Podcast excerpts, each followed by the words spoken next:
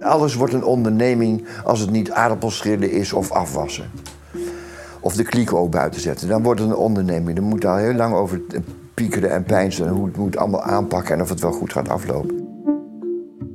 Ik ben Hans Dorrestein. Ze hebben me zo gek gekregen om weken op een eiland te gaan zitten.